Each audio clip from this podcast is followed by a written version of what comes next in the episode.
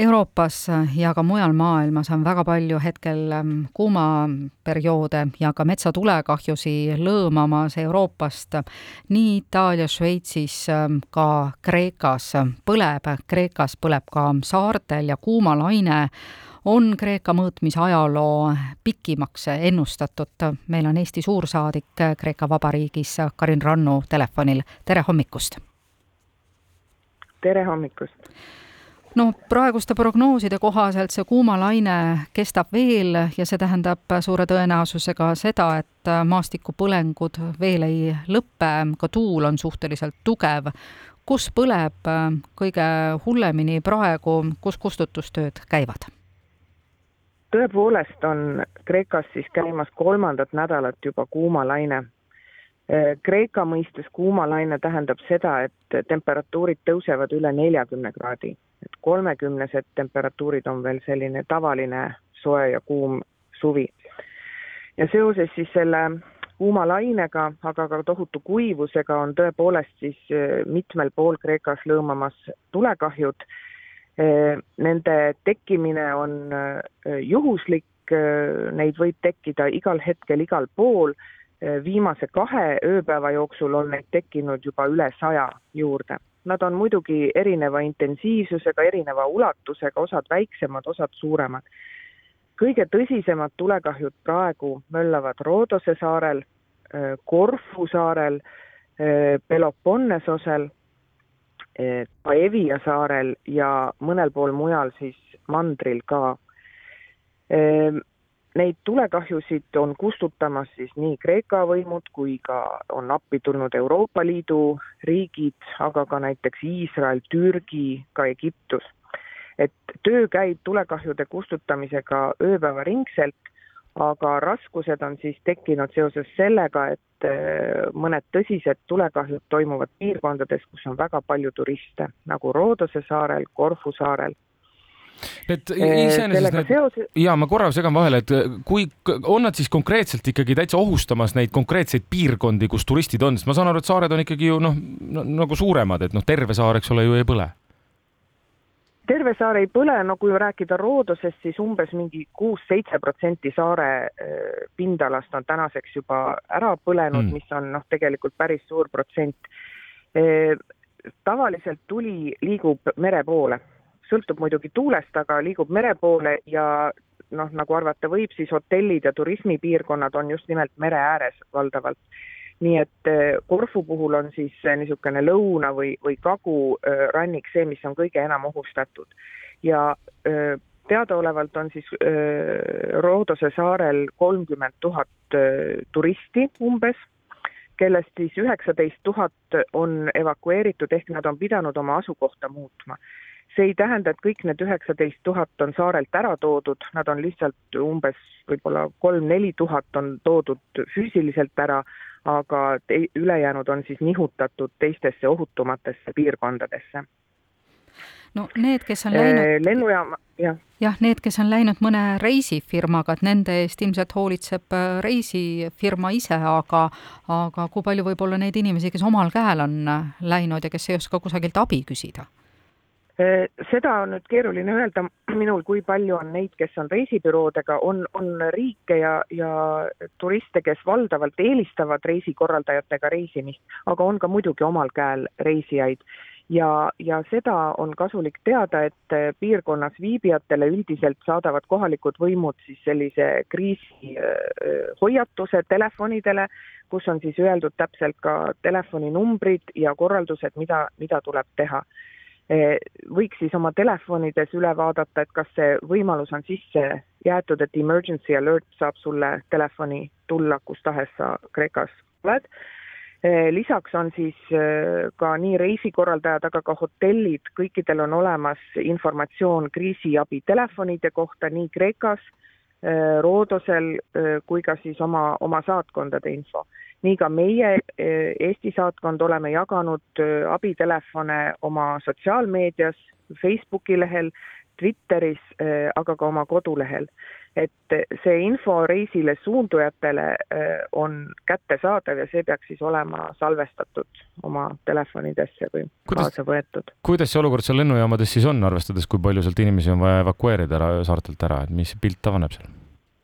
No nii, nagu me näeme rahvusvahelisest meediast igasuguseid fotosid ja videosid, et pilt on suhteliselt kaootiline, sellepärast et eh, samal ajal, kui näiteks pühapäeval, esmaspäeval toimus umbes kakskümmend evakuatsioonilendu, et osad reisikorraldajad tõid eh, turiste Roodose saarelt ära, saabus saarele sada lendu uute turistidega nii et ja kõik see käib ühe lennujaama kaudu, nii et, et seal on segadus päris suur.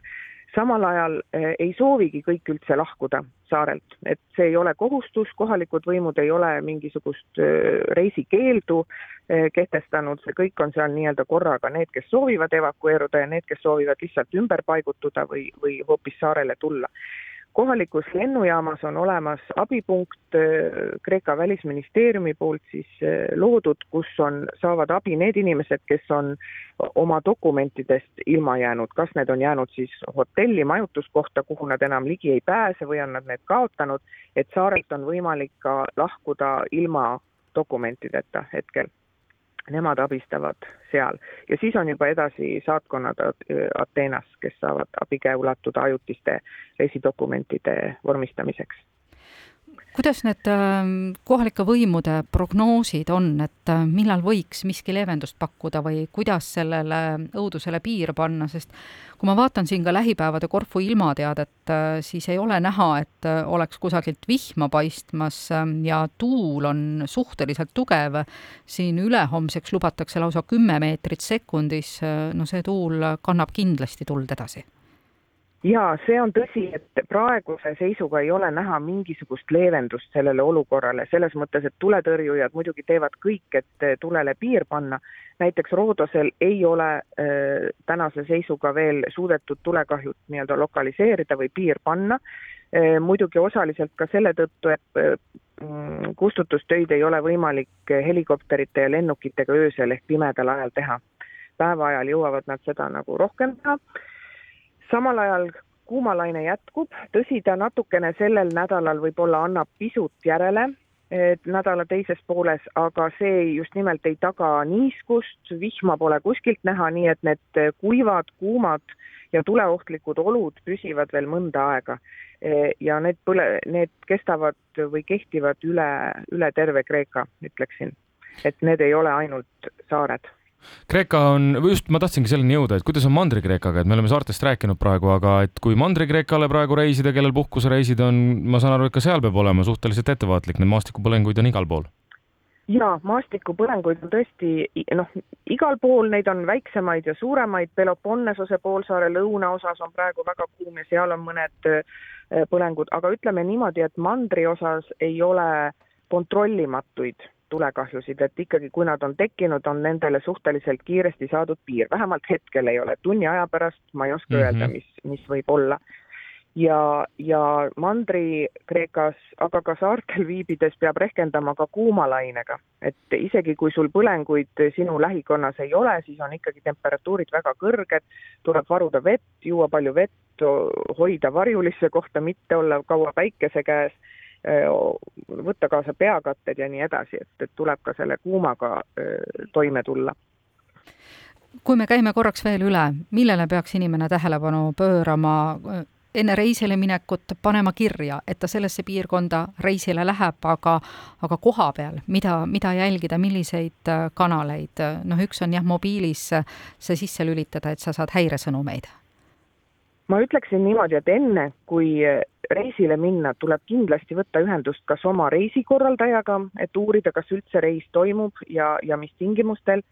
teiseks võtta ühendust oma majutusasutusega, kontrollida üle, kas seal kohapeal on äh, asjad korras ja, või milline avaneb äh, pilt seal.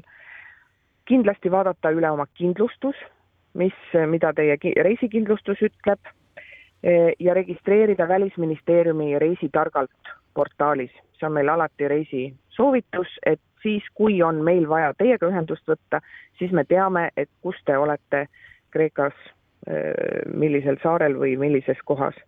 kindlasti vaadake üle dokumendid ja salvestage abiinfotelefonid endale ära. Koha peal olles on kindlasti, siis tuleb võimude korraldusi järgida, kui te olete kuskil ohupiirkonnas, tea-, hoida sidet lähedastega ja taaskord, et dokumendid oleksid enda ligi, aga soovitame dokumentidest koopiaid teha aga nagu ma aru sain, siis otseselt ju ühtegi reisikeeldu peale pole pandud, nii et kes tõesti on ostnud omale piletid puhkusereisile kuhugi Kreeka saarele, siis, siis kätt keegi ette ei pane keeldu kehtestatud ei ole, lihtsalt on tungiv hoiatus, et olukord on tõsine ja võimalikud on reisisegadused.